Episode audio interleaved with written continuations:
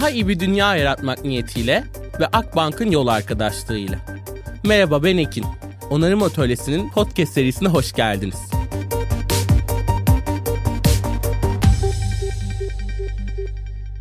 Hepinize kocaman bir merhabalar. Yeni bölüme hepiniz hoş geldiniz. Bugün aslında birlikte sohbet etmekten çok mutluluk duyduğum, yaptığı işleri her gördüğümde çok heyecanlandım. Ve dayanamayıp ya bu ne kadar güzel, ne kadar güzel işler yapıyorsunuz diye mesaj attığım biri benimle birlikte.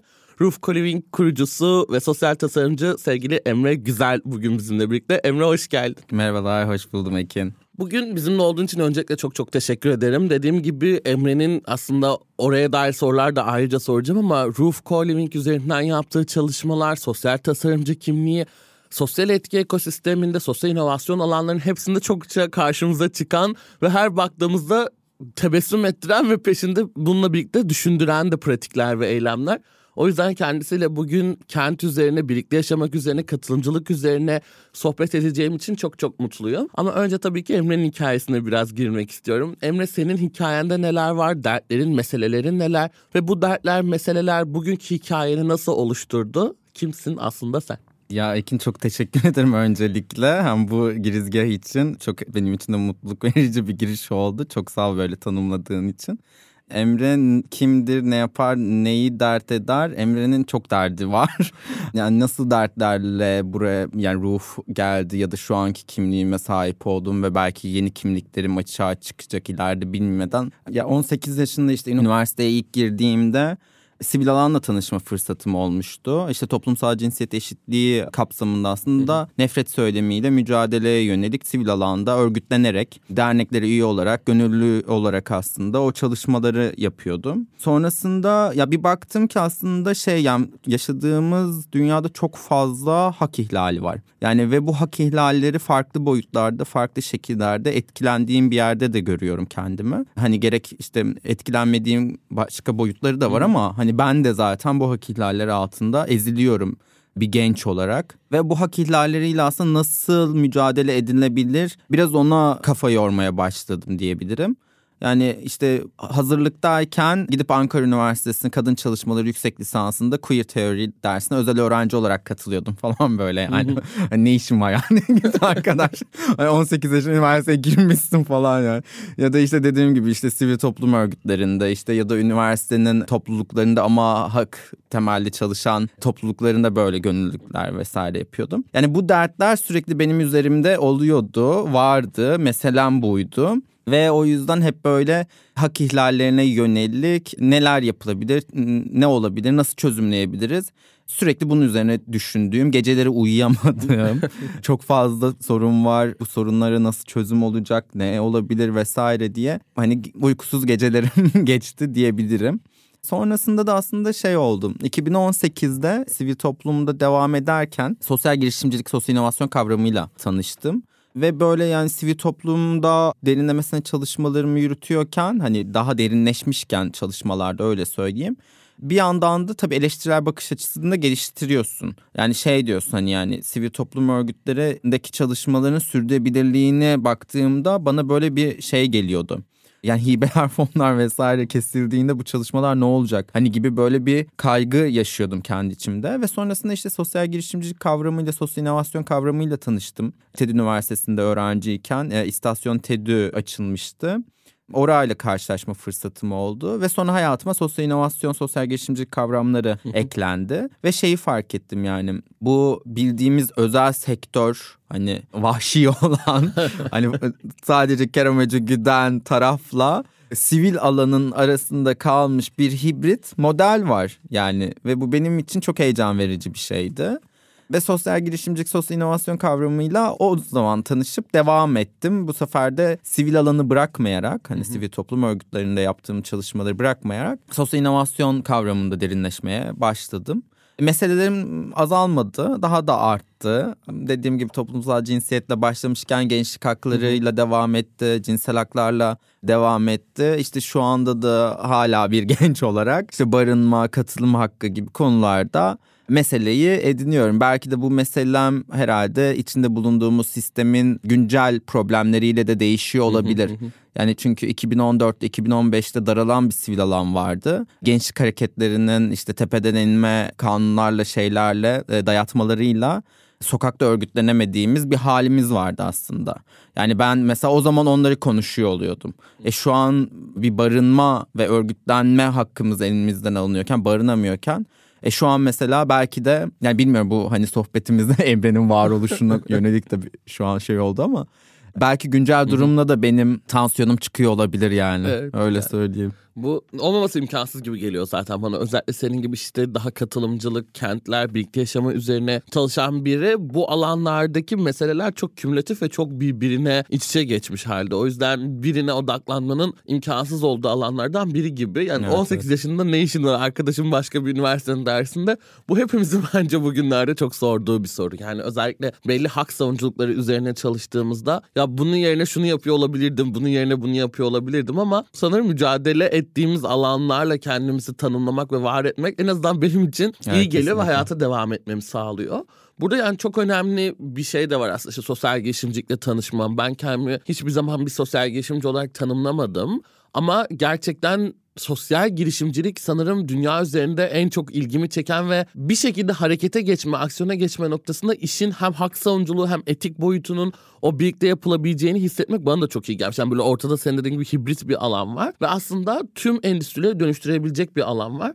Bunun böyle sende de yansımalarının böyle olması bana çok çok iyi geldi. Özellikle ettiğin mücadelelerden de baktığımızda işte nefret söylemiyle mücadele mi, hak ihlalleriyle karşı karşıya çıkma ve bugünkü Emre bu meselelerin, bu ihlallerin üzerine sosyal tasarımcı kimliğiyle bunların karşısına çıkıyor.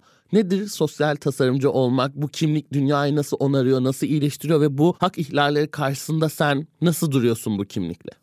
Ben mesela kendimi sosyal girişimci olmaktan ziyade sosyal tasarımcı olarak tanıtmayı tercih ediyorum. Sanırım daha o girişim kelimesine şey yapamadım. E, çünkü yani ekosistemde de işte bir girişim kelimesine atıf da yani atılmış bir tanım var ya. Yani o tanımı doldurmak da gerekiyor ya o kelimeyi sahiplenebilmek için. Sanırım girişim kelimesini şey yapamadım galiba. ben uyumlayamadım kendimi. O yüzden sosyal tasarımcı demeyi tercih ediyorum. Zaten yaptığım şey de sosyal tasarım. Ne yapıyor sosyal tasarım ya da sosyal tasarımcılar? aslında içinde bulunduğumuz bu karmaşık insan sorunlarının üstesinden gelmek, işte sosyal, çevresel, toplumsal konuları önceliklendirmek için tasarım metodolojilerini, yöntemlerini kullanarak aslında o uyguladıkları bir disiplin olarak da geçiyor. Ama hani ne olabilir? Yani çok aslında böyle bir çatı bir isim diyebiliriz. Çatı bir disiplin diyebiliriz. Yani üründe olabilir, serviste olabilir, hizmette olabilir ama bunu yaparken tamamen sosyal etki odaklı bakış açısını bulundurmak. Yani tasarladığın şeyin sadece estetik kaygılardan ya da isteklerden ibaret değil, ihtiyaçlardan ve dokusuna uygun bir şekilde etki odağı yaratarak aslında bir tasarım süreci bir tasarım disiplini olarak geçiyor. Yani tabii ki ürün tasarımcıları da sosyal tasarımcı olabilir. İşletmeciler de sosyal tasarımcı olabilir. Görsel iletişim tasarımcıları da sosyal tasarımcı olabilir. Önemli olan aslında bence şey o süreç yani nasıl yaptığının ve etki bakış açısı geliştirip geliştirmediğinin önemi sosyal tasarımcı kelimesinin altını doldurmak. Ya hatta çok beğendiğim bir söz var işte. Design is to design the design of a design diye bir söylem var. Yani diyor ki işte tasarım bir isim de olabilir. Yani bu isimden kastımız çatı bir kavram, Hı-hı. genel bir prensip. Yani politika bile tasarlanabilir. Hı-hı. Yani tasarım bir politika da olabilir. İşte tasarım bir eylem biçimi de olabilir. Yani hani bildiğimiz işte tasarlamak hani gibi düşünebilirsin. Bir niyet amaç da olabilir tasarım diyor. Yani niyetin belki hani, tasarım elde etmek için de yapılabilir. Son ürün çıktı da olabilir hani tasarım diyor. Yani tasarım aslında çok katmanlı, derin ve çatı bir kelime olarak bakılıyor sosyal tasarım kavramına çok iyi. Özellikle bu bahsettiğin işte tasarım politika yapımı da olabilir. Tasarım birçok şeyin çatı ismi. Aslında onarmak da bizim için burada kullandığımızda tam olarak böyle. Yani biz bir şeyin fiziksel onarımından ziyade regeneration ve impact dediğimiz noktalara dokunarak kolektif sistemsel dönüşümü, ekonomik yapılanmaları, yeni ekonomik modellerin tasarlanmasını konuşuyoruz. Ve ben ilk ekonomik model tasarımı yapacağız dedim. Hadi bir oradan ekonomik model de tasarlanır mı? Özellikle bu kadar matematiksel olduğu düşünen bana tam olarak burada tasarlanır. Özellikle katılımcılığı da soruyor soracağım sana. Ekonomik model de katılımcılıkla zaten Tabii, tabii. tasarlanması gereken bir alan. Yani biz de burada aslında onarıcılık yani regeneration'dan gelen onarıcılığa bu çatı haliyle bakarken ve kim dünyayı hangi kendi perspektifiyle onarıyorsa, iyileştiriyorsa hepsi içinde bir sistemsel alan olsun, bir space olsun dediğimiz noktada tasarıma da senin böyle yaklaşman bana çok çok iyi geldi kesinlikle. Buranın adı bir atölye ama biz fiziksel bir tasarım yapmıyoruz. Aksine bunun bir politika yapımı, bir hak savunuculuğu alanı olması gerektiğini savunuyoruz tam bu noktada. O yüzden bunu en azından her ikisini de yapan, tasarımı her noktasına dokunan birinden duymak bana çok çok güzel geldi. Ve hayranı olduğum aslında benim sosyal girişim diye tabir ettiğim ama senin de soracağım böyle düşünüyor musun diye. Roof Coliving'i ben çok iyi bildiğimi inanıyorum ama bir o kadar da bilmediğime de inanıyorum. Çünkü her projenizin böyle kelimeler seçiyorum içeriden ve diyorum ki bunlar çok katmanlı kelimeler anlamak için kendine izin ver Ekin diye. Nedir Roof Co-Living hikayesi nedir? Nasıl kuruldu? Bugün neler yapıyor? Dünyaya nasıl bakıyor? Hı hı. Anlatayım bakalım biliyor musun bilmiyorum. ya evet Roof Calling başta bir sosyal girişim onu söylüyor. Roof Calling nedir ne yapar? Böyle belki ilk hikayesinden çıkayım. Hani nasıl başladı ve devam etti neden bu meseleyi dert edindik. Hı hı. Hani onu da belki daha evet. derin paylaşmış olurum. Roof 2019'da üç arkadaşın ama bu üç arkadaş da mekan aracılığıyla tanışmış üç arkadaş ve arkadaş olmuş üç kişinin bir araya gelmesiyle başladı yolculuğu. Buradan da isimlerine geçireyim sevgiler olsun. Miray Gülsoy, Öykü Şahin ve ben birlikte Halt Prize isimli bir yarışmaya katıldık. Hı hı. Halt Prize'da her sene sürdürülebilir kalkınma amaçları çerçevesinde bir challenge veriyor üniversiteli gençlere. Diyor ki bu challenge'ı sürdürülebilir iş modeli, etki odaklı iş modeli geliştirerek çözün diyor. Hı. E, ya biz de o yarışmaya katıldık. Miray da ben de zaten o sıra istasyon TEDÜ'de asistan öğrenci Hı. olarak çalışıyorduk. Biraz böyle aslında şeydik hani sosyal inovasyon alanında böyle öğrenci kimliğimizde var olmaya çalışırken acaba öğrenmiş miyiz? hani bir işte sosyal girişimciliği kavramış mıyız?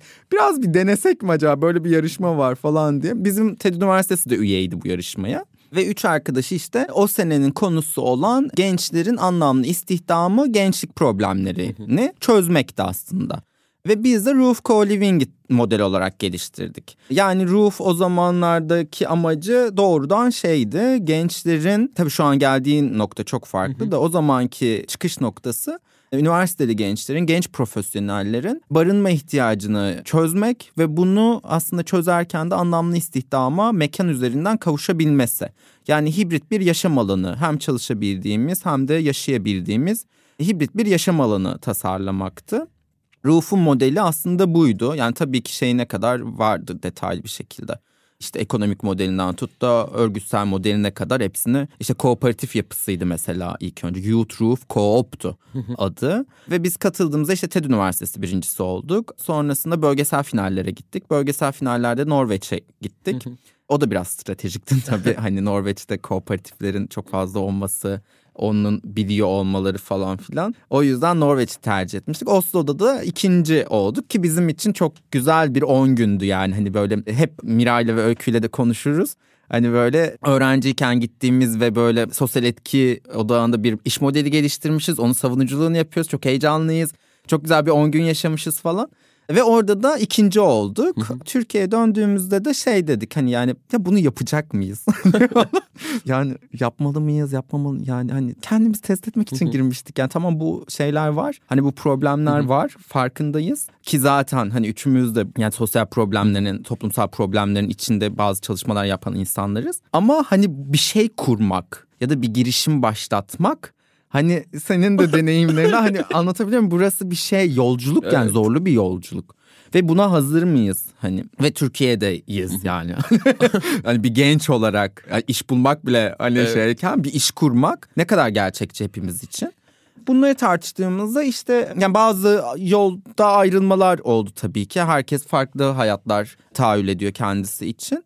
Şu an Roof ne yapıyor? Çok hızlı ondan bahsedeyim. Böyle uzun bir hikayeden sonra. Roof aslında farklı kimliklerimizle, farklı disiplinlerimizle bir arada yaşayabileceğimiz ortak yaşam alanları mümkün mü? Bunu sorgulayan bir sosyal girişim. Ama bunu sorgularken yani barınma mekanlarını ortak yaşadığımız, işte birlikte çalıştığımız, ürettiğimiz, etki odaklı çalışmalar yaptığımız hibrit yaşam alanları kurmaya çalışırken bunu katılımcı bir şekilde nasıl kurabiliriz? Yani Roof Co-Living'in işte atıyorum çekirdek ekibi olsun ya da sadece işte kurucuları ya da herhangi bir modelde tepeden inme bir barınma modeli önermektense yaşayanlarla birlikte ihtiyaca yönelik bu ortak yaşam alanını nasıl hayata geçirebiliriz? Bizim derdimiz aslında biraz bu. Yani sadece Roof Co-Living'in tabelasını astığımız bir co-living space de güzel olur ama hani onun ötesinde bu modeli yani ortak yaşam alanı modelini çoklamak, farklı yerlerde replike edebilmek, ihtiyaca yönelik tasarlamak. Yani İstanbul'da olanla, İzmir'de olanla, işte atıyorum Mardin'de olan aynı olmayabilir. Ama hepsi ortak yaşama alanı olabilir ve hepsi aslında etki üretebilir. Yani barınma mekanları, yaşadığımız yerler hem insana yaraşır şekilde tasarlanabilir hem de burada yaşarken etki de üretebiliriz. Biraz böyle hem modelleme çalışmaları yapmaya çalışıyoruz hem kendi mekanımızı, kendi co-living space'imizi açma hayalimiz var. Öte yandan da işte kentlerde büyük ölçekte birer ortak yaşam alanı aslında. Yani co-living as a concept dediğimizde kentlerde farklı hı hı. kimliklerimizle bir arada yaşamaya çalıştığımız bir mekan. Ancak kentlere ne kadar katılabiliyoruz? Yani bir yurttaş olarak, bir kentin kullanıcısı olarak, bir emektarı olarak aslında kentlerin neresindeyiz? Alınan kararlara ne kadar katılabiliyoruz? Biraz da buraları da deşiyoruz biz. Yani katılımcılığı kamusal alanlar ve kent ölçeğinden de okuduğumuz çalışmalar yapıyoruz. Roof Co-Living aslında böyle bir mekan üzerinden insanların katılımcı ve etki pratikleri geliştirebileceği bir sosyal girişim. Aslında yani bu iş kurma hadisesinden gerçekten Türkiye'de onarım atölyesinde ana savunuculuk alanlarımızdan birisi gençlik. Yani hem youth washing gençlik yıkama yapmadan bir reklam malzemesi olmadan kullan hem de partner olarak kabul edin varlığımızı diye. Ben uzun süredir bulunduğum alanlarda bunun savunuculuğunu yaparken ilk başta burada bir itiraf aslında şeyi çok düşündüm. Yani burayı hiç gençliği ağzıma almayacağım bir platform olarak yapacağım dedim. Yani ciddiye alınma kaygısı çünkü Türkiye'de var. Ve daha sonra böyle ilk bir ayın sonunda kendime dedim ki yo hayır bu bu bu sen gençsin yani ve bu halinle sen partner olmak, görünür olmak, katılımcı olmak istiyorsun. Şimdi kapıları biraz daha böyle zorladığım bir dönemde daha da iyi bir savunucu haline getirdiğini düşünüyorum bunun. Yani şöyle mesela bizde de hani modellerden bahsettim ya. Ortak yaşama alanlarında şeyler var mesela işte yaşlıların bir arada yaşadığı işte şiddet mağdur kadınların bir arada yaşadığı, LGBT artının bir arada yaşadığı çok farklı tip ortak yaşam alan modelleri var. Hı hı. Bize de mesela şeyi soruyorlar yani siz açmak istediğinizde kim yaşayacak burada? Yani biz de hani böyle bir genç olarak yani komünitemizin de işte biz aslında topluluk tabanlı bir sosyal girişimiz. Yani bir topluluğumuz var. O toplulukta birlikte yapıyoruz aslında. Hı hı. Baktığımızda genç ağırlığı var içeride. E tabii bizim de yani hani kuracağımız yer yani bir tabela asıyor olsaydık evet. ve hani buyurun gelin diye olsaydık öncelikli olarak şey olurdu aldığımız başvurular gençlerden, genç evet. profesyonellerden, üniversite öğrencilerinden alırdı. Ya çünkü o dokuyu biliyoruz hani. Yani evet. o alandayız. Kimliğimiz de ona ait. O yüzden istemsizce de zaten doğalında bir gençlik meselesine evet. akıyorsun hani. Akmak da zorunda da bırakılıyorsun bu arada. Yani evet. şu an içinde yaşadığım yaşadığımız koşullara baktığında e, bir genç olarak kendi haklarını savunurken aslında gençlik haklarını referans vererek savunuyorsun aslında çıkış noktası tam olarak böyle oldu. Yani hem kişisel deneyimler hem toplumsal deneyimler ve görünümler üzerinden bu bence de çok önemli. Ve bugün aslında ruhtaki mesele birlikte yaşama üzerine ve bence zaten bizim dünya olarak, ülke olarak ve aslında gezegeni yeni bir yaşam alanı olarak bütünsel bakmak noktasında en temel kök nedenlerden, kök sorunlardan birini birlikte yaşayamama olarak görüyorum ben. Bu bazen milliyetler, bazen diller, bazen kültürler, bazen siyasi, bazen politik şeyler olsa da biz her şeyi milliyetler veya kendimize en benzer olanlar üzerinden kurguladığımız bir dönemde ciddi bir birlikte yaşayamama hali içerisindeyiz ki bu bence birçok şeyi onarmayı, iyileştirmeyi zaten öndeki ana engellerden bir tanesi. Ve bu noktada hep şunu aslında anlatırken gezegen iktisadına geçmemiz gerekiyor. Yani bir millet, bir ulus değil, belirlenmiş bir küçük alan değil. Tabii ki yerelleşmeyi ve yerel kültürleri koruyup ama bütün metabolizmalara gezegensel bakmak gerekiyor. Özellikle de bu sadece çevresel değil sosyal anlamda da böyle. Yani tüm biriken stresi ve sosyal girdiği çıktığı bir bütün olarak ele almak gerekiyor. Ve tüm bu ekonomik modeller içerisinde bugün müşterekler, birlikte yaşama alanları, o kamusal alanlar 20. yüzyılın bize dayattığı, 20. yüzyılda daha da vahşileşen neoliberal ekonomik politikalarda yok edildi. Yani müşterekler satıldı ve bir kazanç, bir kar, bir rant haline dönüşüldü. Böyle böyle çok siyasi kelimelerde kullanmak istemiyorum ama ekonomik vaziyette geldiğimiz noktada tam olarak buyken birlikte yaşamak için neden kamusal alanlara ihtiyaç var? Bunun buradaki önemi sence nasıl oluyor ve bu kamusal alanın sorunları, çözümleri dünyanın yaşadığı çevresel, ekonomik, sosyal sorunlarla nasıl kesişiyor, bağdaşıyor? Ya şeyi söyleyebilirim ya kamusal olan kamuya ait hani anlatamıyor muyum? Herkesin olan aslında. Evet. Yani kamusal alan dediğimiz şey belki de karşılaşabildiğimiz tek nokta.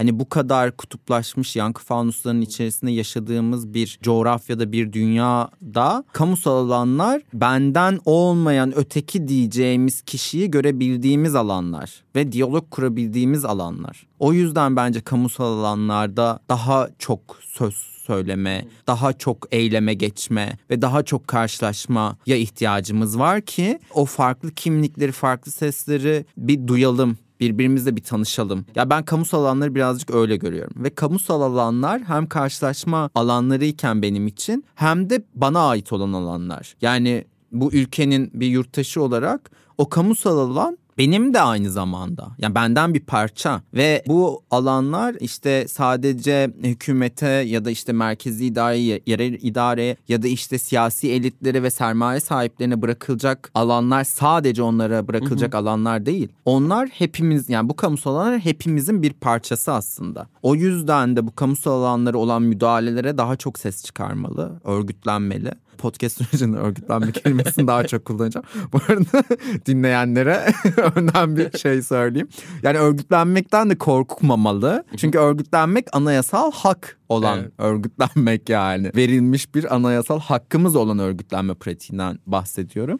Yani daha çok talep etmeli. Daha çok işte bir araya gelme, daha çok konuşmalıyız belki de. Ki o kamusal alanlar işte tepeden inme müdahalelerle ele geçirilmesin ki hani bize ait olan bizimle birlikte şekillenen bir şey olsun.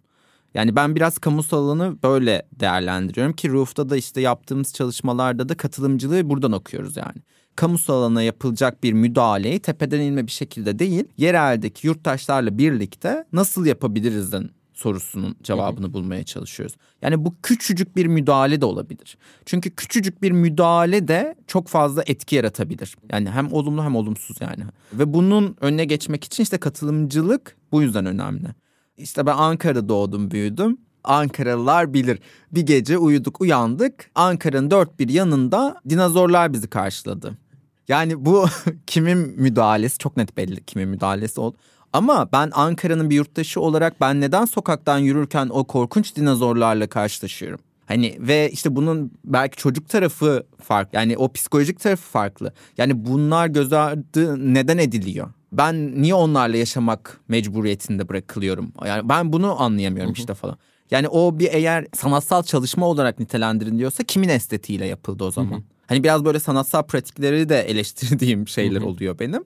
Ya da işte şimdi mesela Ankara'da ve İstanbul'da farklı örnekler görüyoruz. İşte İstanbul'da Şahmeran, İstanbul'un farklı bölgelerinde sanatçılarla çalıştığımız Şahmeranlar var. Ankara'da da İstanbul'dan ilham alındığı düşünülerek yapılmış Ankara keçilerini görüyoruz mesela. Yani kamusal alana bir tane keçi koyuyorsunuz. Hani aslında küçücük bir müdahale, küçücük bir dokunuş gibi gözüküyor. Ama onun yarattığı etki farklı oluyor. Yani o keçilerin kimin estetiğiyle yapıldı? Hı hı. Yani sanatçılarla çalışıyor olmak kamusal alana dokunmayı meşrulaştırıyor mu? Hı hı. Tepeden inmeyi meşrulaştırıyor mu? Hani benim böyle cevabını bulamadığım ve bulmak istediğim sorularım oluyor. Daha iyi bir dünya yaratmak niyetiyle ve Akbank'ın yol arkadaşlığıyla onarım atölyesine kaldığımız yerden devam ediyoruz. Yani aslında her şey birlikte yaşamanın özüyken benim sesim nerede ve kime sorduğunuz evet. sorusu burada ana gündemde. Ben şu an böyle koltukta şey oluyorum. Heyecan da duyuyorum bu konulara ve biraz da sinirleniyorum sanırım itiraf etmek gerekirse. Çünkü özellikle bazı konularda bu meşrulaştırma için görünür olanın gücünü kullanma kavramı bu edebiyattan sanata birçok alanda varken influencerları bugün fazlaca aslında yapılan projelerde kullanırken temelde bir katılımcılık eksikliği var ve birlikte yaşamamızın özündeki o biz bizi iyileştirecek şeyi de engelleyen yani kök nedeni çözmemizi engelleyen şeylerden biri de katılımcı olmama hali. Peki katılımcılık ne demek? Hangi alanlarda nasıl katılımcı olabiliriz ve bu neden önemli? Ve katılımcılık dünyayı temelde onarabilecek birlikte yaşamayı nasıl iyileştirebilir? Yani katılım hani genel bir tanım baktığımızda aslında bir süreç ya da durum işte bağlamında gönüllü ve eylemli. Hani bir iş üstlenmek, ona dahil olmak, o olayda etkin olmak gibi tanımlayabiliriz.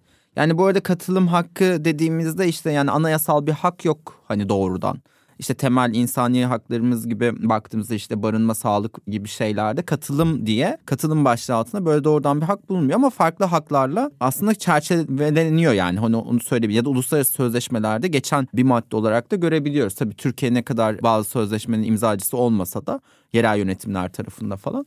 Ama şey yani hani Zizek bir lafı var çok severim. En tiksinti verici durumlardan biri gizlice hayalini kurduğunuz şeyin size dışarıdan zorbalıkla dayatılmasıdır. Şimdi sonra diyor ki gerçekleşmiş hayalin güzel bir adı vardır kabus. Yani sen hayalini kurduğun şeyi ve dışarıdan biri sana zorla önüne koysa o kabusun olur senin evet. diyor. Yani hayalin artık kabus olur. O yüzden işte katılımcılık bir noktada da önemli. Yani senin aidiyet kurabilmen, senin sesinin duyulduğunu hissedebilmen Hı. ve sana ait olan aslında işte bu kentler, kamusal alanlar ya da özel alanlar hani kamusal olması da bence şart değil. Ki yeni pratiklerimizde bunları da görüyoruz yani hani. Bunlar da aslında senin sesini duyabildiğimiz işte söz söyleyebildiğin, parçası olabildiğin ve birlikte yapabildiğin alanlar. Ancak bu böyle hani bence birlikte yaşayabiliriz diye düşünüyorum. Yani katılımın olmadığı noktada tamamen birinin yansıması olan çoğulculuğu görmediğimiz tepeden inme. İşte dediğim gibi hani o artık kiminse yansıması yani siyasi elitlerin ya da sermaye sahiplerinin mi bunlar? Onların pratiklerini gördüğümüz dokuya ait olmayan yani yereli bilmeyen davranış pratikleri olacaktır hı hı. yani. Bunlar mekansal müdahale olabilir, politikal olabilir vesaire vesaire ve bunlar yani asıl kentin sahipleri olan yurttaşların gündelik hayatına, yaşamına uymayacaktır ve daha çok yorulacağız. Daha çok yaşayamamaya başlayacağız. Evet. Çünkü sana uygun olmayan politik önerileri çıkmış mesela ya da işte müdahaleler gelmiş mesela ve sen ona ait değilsin. Hı hı. Ait olmadığın bir şeyde hani birlikte yaşamayı bırak nasıl hayatta kalabiliriz, nasıl evet. iyilik halimizi koruyabiliriz gibi sorgularla Yaşama devam edecek. Yaşama hakkının sadece hayatta kalıp nefes almak olmadığıyla evet. da ilgili bir mesele bu. Aslında nasıl yaşamak? Evet tabii ki. Sizin söylemlerinizden bir tanesi aslında web sitenizde aşına ilk karşıma çıkan söylemlerden biri. İnsanları bir araya getiren ortak yaşama alanları kurma hayaliyle yaşam alanlarını insan ve topluluk ilişkilerinde içerecek biçimde yeniden tasarlıyoruz. Katılımcı biçimde yeniden tasarlıyoruz. Bu alanlar ile de insanların birlikte yaşama ve üretme yetilerini geliştirerek yeni bir birlikte yaşama kültürü oluşturmayı umuyoruz. Zaten baş başına bir tez yazılabilecek kadar geniş üzerine bir söylem ve bu beni çok mutlu ediyor. Nasıl birlikte yaşanır? Yani bu birlikte yaşama kültürünü, kenti iyileştirmeyi nasıl yapabiliriz ve burada devlete, bireye, şirkete, sivil alana nasıl roller düşüyor? Ve bununla birlikte bu rollerle birlikte dayanıklı yaşam alanları, dayanıklı toplulukları bu rollerle nasıl oluşturup destekleyebiliriz aslında? Şeyden bahsedebilirim. Bizim asıl mesela yaptığımız çalışmalar yani bu gerek kamusal alanlara müdahale olsun ya da mekanlar üzerinden yaptığımız tasarım çalışmaları olsun. İşte placemaking diye geçiyor literatürde. Ve biz son ürünü tasarlamıyoruz. Yani roof olarak biz süreç tasarlıyoruz. Hı hı. Yani son ürünün ne olacağını bilmiyoruz. Bu müdahalenin ne olacağını bilmiyoruz ama ne yaratması gerektiğini biliyoruz ve nasıl bir süreçle olması gerektiğini biliyoruz. İşte o yüzden sosyal tasarımı daha çok anlatıyorum hani. Yani bir süreç tasarlıyoruz. Ve aynı şekilde hani nasıl birlikte yaşanır kısmında da bir sürece ihtiyacımız var. Yani ilk önce insanlar nasıl yaşıyoru öğrenmemiz gerekiyor. Ve sonra nasıl birlikte yaşanırı birlikte karar vermemiz gerekiyor. Biz işte 2019'da ilk açık çağrımıza çıktığımızda şöyleydi ya bizim bir hayalimiz var. Ortak yaşam alanları kurmayı amaçlayan bir ekibiz. Birlikte yaşama ve kent meselelerine yönelik derdiniz varsa buyurun gelin birlikte konuşalım dedik. Böyle 30 kişilik bir program tasarladık. Oradaki programda dört tane ana başlık çıkmıştı. Eğer bir co-living space kuracaksak mekan olarak dört başlığa bakmak gerekiyor. Topluluk, kültür, ekonomi, mekan çıktı. Bu dört başlığı biz çıkarmamıştık. 30 kişi tartışmalarla bir süreç sonrası dört başlıkta karar verdi ve altında derinleşmeye başladı. İşte topluluk kısmı ve kültür başlıkları da nasıl birlikte yaşarız kısmına baktı. Yani mesela kültür grubundaki arkadaşlar bu mekanın bir kültürü, işte birlikte yaşama kültürünü farklı tip atölyeler geliştirerek daha o 30 kişi içerisinde bile onları duyduğumuz, işte katıldıkları, atölyede işte nasıl yaşıyorsunuz, nasıl bir kültür hayal ediyorsunuz gibi hani sorgulayıcı tekniklerle bir manifesto çıkardılar. Şimdi manifestoyu oturup iki uzmanın yazması da mümkünken bu tarz aktivitelerle ortak bir manifesto çıkarmak da mümkün. Topluluk grubu da aynı şekilde yani atıyorum mekan kuruldu ve kapı gıcırtısından uyuyamıyorsun. Bu bir çatışma nedeni olabilir. Ama işte bunu nasıl önleyebiliriz? Yani bu kapı gıcırtısına kadar çalıştıkları bir şey oldu. İkisinde de ortak nokta gene katılımdı. Yani katılım nasıldı? İşte sen kapı gıcırtısı duyduğun zaman ne hissedersin? Nasıl eyleme geçersin? Bunu önlemek için ne tip aslında şeylere ihtiyaç olur? Neleri planlamak gerekiyor? Yani kurum içi yöntemler ne olabilir falan gibi.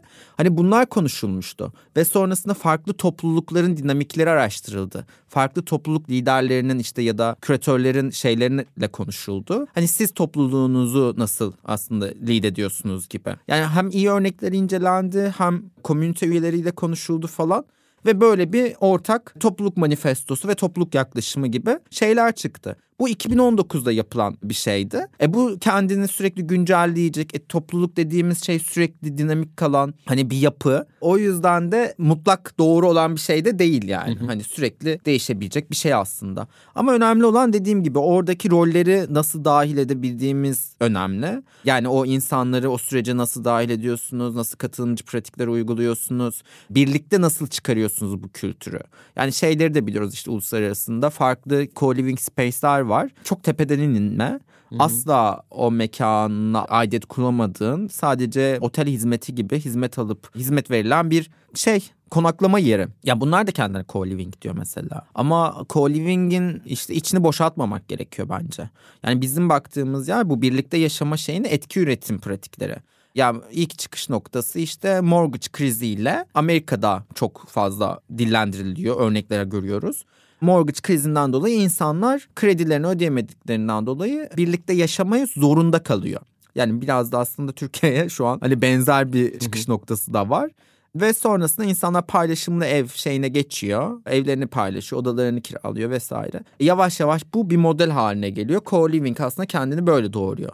Aynı zamanda da tiny house akımı da çıkıyor bu arada. Ama işte mesela tiny house daha çok şu an hani Türkiye'de de bilinen bir şey. Ya baktığımızda ne olmuş? İşte for profit dünyası aslında bunu bir akımlaştırıp hani daha etki tarafını törpülemiş ve şu an hani daha işte cici olan, güzel gözüken, hani pahalı falan bir yaşama biçimi olarak da pompalıyor aslında evet. ana akımdaki hani şeyi o öyle görüyoruz.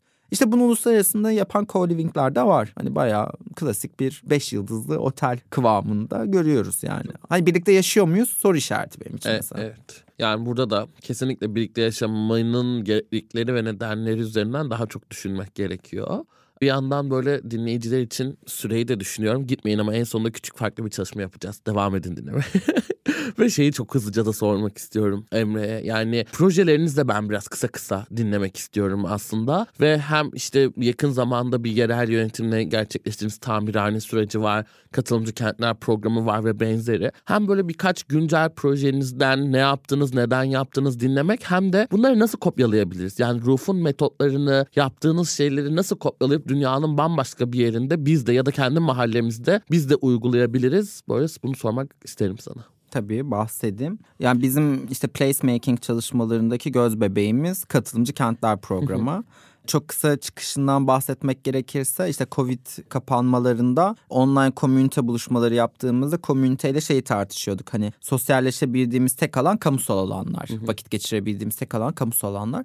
Ama kamusal alanlar ne kadar yurttaşların ihtiyacına yönelik tasarlanmış mekanlar Hı-hı. diye komünite buluşmalarında bunu tartışıyorduk böyle paylaşımlarda. Ve sonra topluluk olarak şey dedik yani hani acaba buraya bir çözüm geliştirmek mümkün olabilir mi Ruf olarak? Yani çalıştığımız konulardan biri. Hı-hı. Hani tartışıyoruz tartışmanın ötesinde acaba bir aksiyona geçsek ne olurdu diye. Katılımcı Kentler programı doğdu. Katılımcı Kentler programı ne yapıyor? Kamusal alanda insanları bir araya getirecek diyalog ortamlarını yurttaşlarla birlikte nasıl tasarlayabiliriz'in sorusunun cevabını bulmaya çalışıyor aslında uzun bir soru. O yüzden uzun bir program.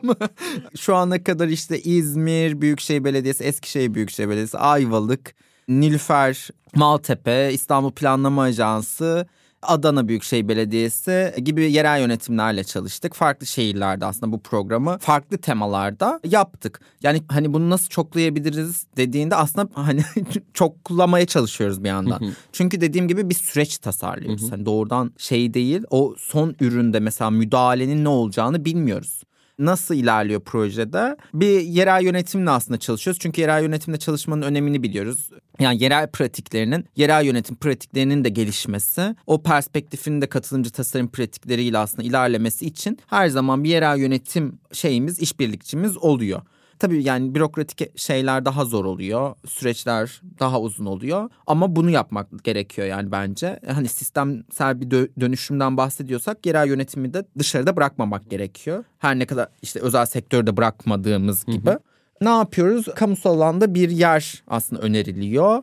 O yerler seçiliyor vesaire. Sonra bir açık çağrıyla aslında insanlar bu programa dahil oluyor. Farklı temalarda oluyor. İşte Maltepe'de yaptığımızda kamusal alanda iklim diyaloğunu nasıl yaratabiliriz diye bir soru sormuştuk. Buraya seçilen katılımcılar aslında Maltepe dolgu alanında işte saha çalışmaları yaparak işte farklı kapasite güçlendirme oturumlarına katılarak yurttaşlarla görüşerek aktörlerle görüşerek orada nasıl bir müdahale ihtiyacı olduğunu çıkardılar ve gruplar olarak aslında iklim diyaloğu yaratacak bir müdahale içeriği tasarladılar. Hatta 28'inde de Maltepe'de uygulamamız var bekleriz. Biz dediğim gibi Roof olarak bu süreci tasarlıyoruz aslında. Yani A'dan Z'ye işte o saha çalışmaları daha etki odaklı nasıl olabilir? Yurttaşla nasıl empati kurulur? İşte sosyal tasarım nedir? Placemaking nedir? etki üreten müdahaleler nedir? Yani sadece estetik kaygılarla yapılmış müdahaleler değil de yerleştirmeler değil de o yerleştirmeler nasıl anlamlı etki üretebilir? Yani bizim aslında olayımız o. Onları birazcık hani süreç içerisinde şey yapıyoruz, derinlemesine anlatmaya çalışıyoruz ve akran akran öğrenmeyle birlikte tasarım çalıştaylarıyla son ürün çıkıyor. Bunu da yurttaşlar tasarlıyor ve herkese tasarımcı değil yani. Hani salt tasarım disiplininden gelen insanlar değil. Süreç içerisinde aslında o sosyal tasarım dediğimiz kavramı özümsemiş oluyorlar. Yani biz daha çok işte placemaking'de hani bu tarz yaklaşımlar, süreçler geliştirerek uyguluyoruz. Senin de bahsettiğin gibi çok yakın zamanda Nilüfer Kent Konseyi ile bir işbirliğimiz oldu. Nilüfer'de 350 metrekarelik kapalı alana sahip bir yapı. Zabıta Müdürlüğü'nün aslında şu an kullandığı eskiden işte farklı amaçlarla bizim ev dedikleri bir yapı. Oranın dönüşüm sürecindeyiz yeniden işlevlendirme çalışmaları aslında planlanıyor. Ama Nilüfer Kent Konseyi bizimle iletişime geçtiğinde işte bizim böyle bir fikrimiz var. Tamir kültürünü, onarım kültürünü bir mekanda aslında yaratarak ve bunu kente hani entegre edebileceğimiz, kentteki yurttaşlarla birlikte yapmak istediğimiz bir yapı hayalimiz var. Hı. Burayı nasıl yapabiliriz diye sorduklarına yani katılımcılıkla yapabilirsiniz hani gibi bir şey söyledik biz de ve süreç tasarladık. Hı. Orası devam ediyor. Tamirhane şu anda 300 kişiye ulaşmış. İşte burada ne görmek isterdiniz? Nasıl bir onarım kültürü var sizin için? Tamir kültürü var. İşte bu mekanda net hayalleriniz var, net bir ihtiyaçlarınız var. Yereldeki aslında işte kadın meclisleri, emekli meclisleri, emekli komiteleri, kent konseyi gönüllüleri, mahalleliler, orada yaşayan insanlar, işte tamirhanenin karşısındaki agora çarşısındaki esnaf, çaprazındaki meslek lisesindeki gençler ve öğretmenler diğer çaprazında semt pazarındaki esnaf falan hani onlarla birlikte çalıştaylar yaptığımız 300 kişiye ulaştığımız 8 buluşma gerçekleştirdik ve süreç devam ediyor. Sadece konsept tasarımı şu an hani çıkarma aşamasındayız. Dediğim gibi yani konsept tasarımda biz çıkarmıyoruz. O sürecin sonunda aslında çıkacak. İşte üniversiteli gençlerle tasarım maratonları yapıyor olacağız ve sonrasında işte kamusal alanda bu tasarımların yurttaşlarla buluştuğu etkinlikler falan olacak. Ve sonunda 350 metrekarenin içine ve dışındaki çevresine taşmış bir tamirhane bizi bekliyor. Yani Nilüfer Kent Konseyi ile yaptığımız işbirliği de aslında bu. Çok heyecanlıyız. Çünkü hani katılımcı tasarım pratiklerini her yerde göremiyoruz açıkçası. Yani ne kadar yerel yönetimler vesaire hani katılımcılık üzerine içerik geliştirseler de bunun aksiyonunu stratejik planlarında yazdığı gibi olmuyor. Hı hı. O yüzden biz hani tamirhane sürecine oldukça heyecanlıyız. Yani daha konsept tasarım sürecinde hani bu kadar fazla buluşma, bu kadar insan entegrasyonu bize heyecanlandıran bir durum diyebilirim. Aslında hani bizim genel böyle placemaking'de yaptığımız hı hı. projeler, programlar biraz böyle tabii bir taraftan da yani bu co-living meselesine barınma üzerine hani araştırmalar, modelleme çalışmaları falan da yapıyoruz. Onlar da günün sonunda hani barınma mekanlarının daha adil, erişilebilir ve hani yaşanabilir olması hı hı. için yaptığımız çalışmalar. Bölüm açıklaması web sitenizi de koyarız mutlaka. Oradan da detaylı bakmak isteyenler olabilir. Şimdi hiç yapmadığımız bir şey yapacağız ve hostluğu değişeceğiz. ve Emre host olacak ve onun yaptığı bir çalışmayı burada birlikte deneyeceğiz. Çıktılarını sesli betimleyeceğiz ve Onarım Atölyesi'nin Instagram hesaplarından da paylaşıyor. Sosyal medya hesaplarından da paylaşıyor olacağız deyip ben hostluğu Emre devrediyorum. Ne yapıyoruz Emre? Evet şöyle bir çalışma yapıyoruz. Bizim işte böyle kamusal alanda ya da işte farklı mekanlarda açıp kurduğumuz bir kutumuz var. Bir aslında seyyar deneyim alanı Façamat ismi. Façamat işte gittiğimiz her yerde bir anda böyle oluklu mukavvadan yaptığımız aslında bir kutu. Biraz böyle fotoboot gibi düşünebilirsiniz hani bizi dinleyenler için. İşte kutuda hani karşınızda sizi görebildiğimiz böyle sanki şipşak fotoğrafınızı çekiyormuşuz gibi bir kutu hayal edebilirler. Ne yapıyoruz bu kutunun amacı ne? E aslında gittiğimiz yerde çıkarıp insanlarla sohbet edip kentle nasıl ilişki kuruyorlar? Kente ne kadar katılıyorlar? Ya da işte kente ait hissediyorlar mı hissetmiyorlar mı? Biraz bunu sohbet ettiğimiz, tartıştığımız 3 dakikalık bir deneyim alanı. Şimdi seninle e, o sohbeti yapacağız. Ben bayağı sana her zaman yaptığın saçımat gibi davranacağım. Ekin hoş geldin. Merhaba, hoş bulduk. Abi. Şimdi seni nasıl bir süreç bekliyor? Biraz ondan bahsedeyim. 3-4 dakika sohbet edeceğiz. Aslında kutunun üstünde bir sorumuz var. Kent ile nasıl ilişki kuruyorsun? Biraz böyle yaşadığın alanı düşündüğünde bu yaşadığın alan herhangi bir yer olabilir. Sen neyi tanımlamak istiyorsan. Yani kent olarak tanımladığın yer bir mahallen de olabilir. Büyük ölçekte bir kent de olabilir. Hani nereyi tanımlamak istiyorsan Biraz böyle yaşadığın alanı düşün, etrafındaki sosyal donatıları düşün. Hani yaşadığın alandan memnun musun, mutlu musun? Bir yurttaş olarak aslında yaşadığın alana katılabiliyor musun? Söylem üretebiliyor musun? Bunları düşündüğünde 1 ile 8 arasında bir puan versen kaç verirsin? Bu cevizi o kutuya yerleştirmeni rica edeceğim. Şey gibi düşünebilirsin işte bir ya hiç katılamıyorum, yaşadığım alandan çok mutsuzum, söylemim duyulmuyor, duyulduğumu hissetmiyorum. 8'de ya ben aşırı katılıyorum. İşte mahalle meclislerinde yer alıyorum. İşte bilmiyorum hani muhtarımla sürekli diyalogdayım falan gibi de olabilir. Sen nasıl tanımlıyorsan 1 ile 8 arasında puan versen kaç verirdin? Sanırım koyuyorum da şimdi 2. Tamam.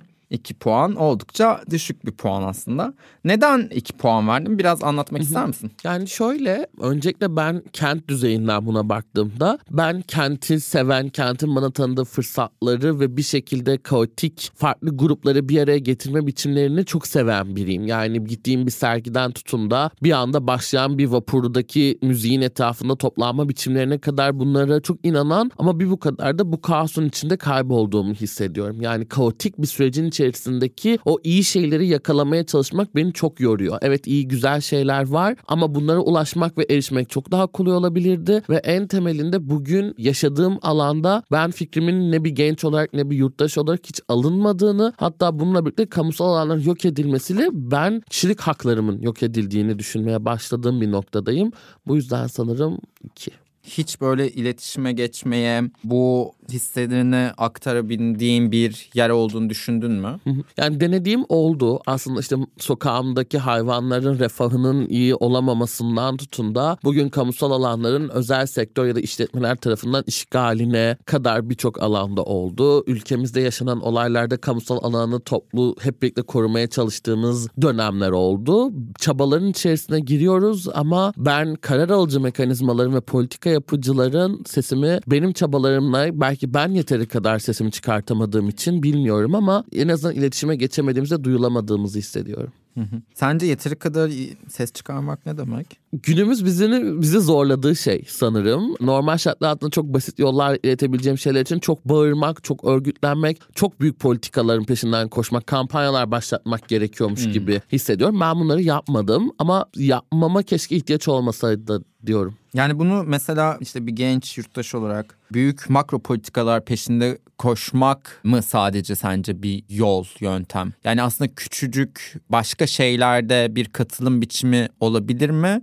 Yani bunu bir tartışma şeyi olarak hani soruyorum merak ettiğim için. Bence kesinlikle olabilir. Yani özellikle benim kendi mahallemde, binamda başlatacağım ve yaygınlaştırmaya çalışacağım belediye değil kendimizin aslında kamusal müdahaleyi hep birlikte yapabileceğimiz şeyler de olabilir. Ama sanırım diğer taraftan duyulmayı beklemekte bir o kadar makro boyuta yakınsamaya çalışmayı gerektiriyor. Bu biraz ben mi harekete geçeceğim, harekete geçmesi için birilerini mi zorlayacağım arasında kaldığımız bir nokta sanırım. Evet çok teşekkür ederim. Sohbetimiz bu kadardı aslında. Hı hı. Ve işte bu sohbeti çok kısa ederken ben böyle bir eş zamanlı çizim yaptım. Hani bunu sana belki işte hediye edebilirim. Teşekkür ederim. Ee, ya faça matın aslında şeyi bu. Hani bilmiyorum betimlemek ister misin? Neler görüyorsun belki anlatabilirsin. Burada bu podcast'in de aslında mottosu gibi gürültüde umudun sesini duymak üzerine burada kulaklıklarıyla tüm kaosun içinde o iyi şeyleri bulmaya dinlemeye çalışan bir ben görüyorum kıvırcık saçlarımla birlikte ve etrafımda aslında farklı ifadeler ve biçimler görüyorum. Hem endişeli hem mutlu hem üzgün ve bazen de ne yapacağını bu kaosu hareketlilik içerisinde bilemeyen biri var. Hem onları duymaya çalışıyorum sanırım hem de onlarla birlikte bir şey yapmaya çalışıyorum. Bunu sesi betimlemesini bu kadar yapabildim. Görsel betimlemeyi de aslında bunu da dediğim gibi Onur Amatörsü'nden paylaşıyor olacağım. Çok teşekkür ederim Emre. Ben teşekkür ederim. Yani anlat desen hani bu kadar güzel anlatamazdım çizdiğim şeyi. çok teşekkür ederim.